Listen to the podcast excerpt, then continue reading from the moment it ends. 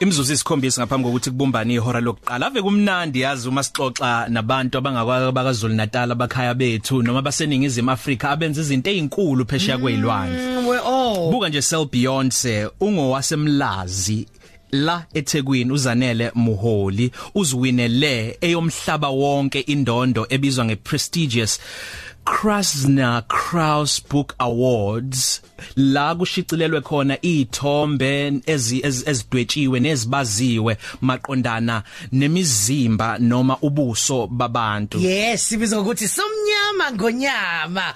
Njengamanje emsakazweni ukhozi FM sikhuluma naye uSir Zanele Moholi. Sir Zanele Moholi sikubile sikwamukele emsakazweni ukhozi FM sikwamile na kwicafe Siyabonga siyabonga ngesimemo senu. Siyabonga. Akuqala ake ake siqale la ukuthi uthanda ukuthi sikubize noma sikurefer as uSir Zanele Moholi mhlawumbe ungasitshela ukuthi kungani lokho I'm sir cause I received an honor, the highest honor from French embassy mm-hmm. uh, in 2017, which uh, recognizes the work that's been done by uh, people in the arts and also who are doing literature.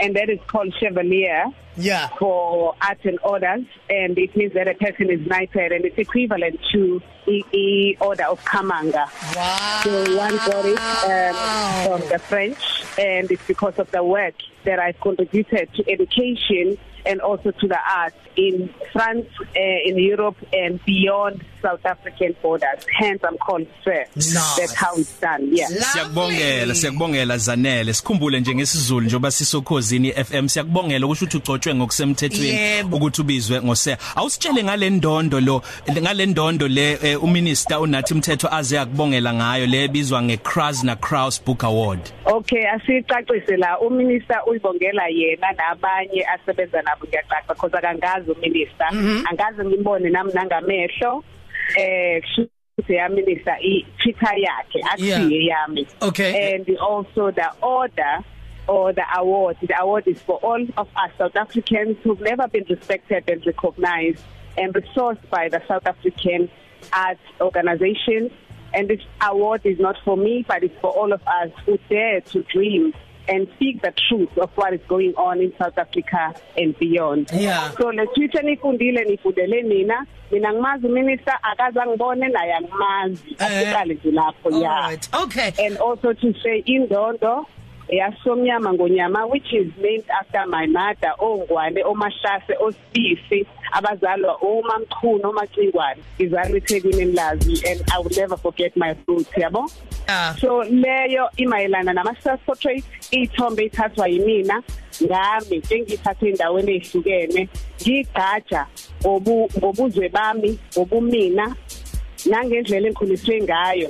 Ethi kubalekile ukuthi sikhumbule la sivela khona sizazi njengesizwe sintundu and siziqhenye ngemvelaphi yethu nanezinto ezizenzayo. Nobucikidlula nabo endaweni ezihlukene la basithanda khona.